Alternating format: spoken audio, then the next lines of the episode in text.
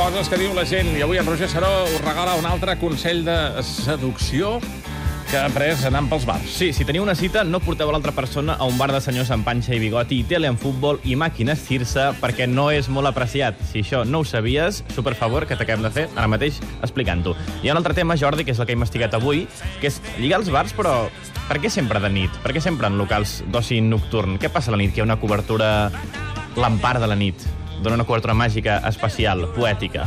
Exemple, en qualsevol local nocturn podem sentir converses tan ben trebades com aquesta. Ei, què estàs prenent? Un martini amb llimona. Uh! Bé, i ja està. És tot el que havia de demostrar sobre el progrés humà, eh? la dialèctica, la lògica...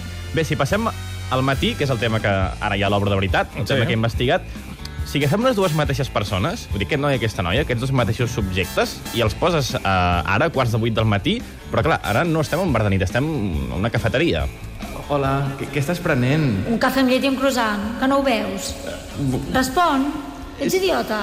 Clar, al matí tenim un altre tempo, eh? Un està més empanat, l'altre està menys simpàtica o més susceptible. Ho veieu com sí que canvia la, La cosa? son, la son és terrible. Sí, les ganes. Bé, mm, n'hi ha que mantenen l'enginy i també intenten treure-li una via seductiva eficaç. Ei, hola, cada dia ens coincidim fent el cafè aquí, no? A les 7.35, al Per, mateix... perdona, és que no em puc parar a parlar amb tu perquè tinc pressa.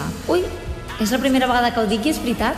Per fi no ha mentit la noia, realment tenia pressa, perquè clar, a les 7.35, o ara, per cert, són les 7.53, si teniu pressa, Sí, sí. mm, has d'anar a la feina o has de fer coses. Proveu, ja veureu. Després, eh, hi ha aquells que han vist moltes pel·lis, Jordi, saps eh, ahir que parlàvem de la caixa forta? Sí. I ja em vaig començar a imaginar que si la pistola sota el coixí, que si llança el mòbil per la finestra que he dit abans, l'ampolla de whisky, de vidre...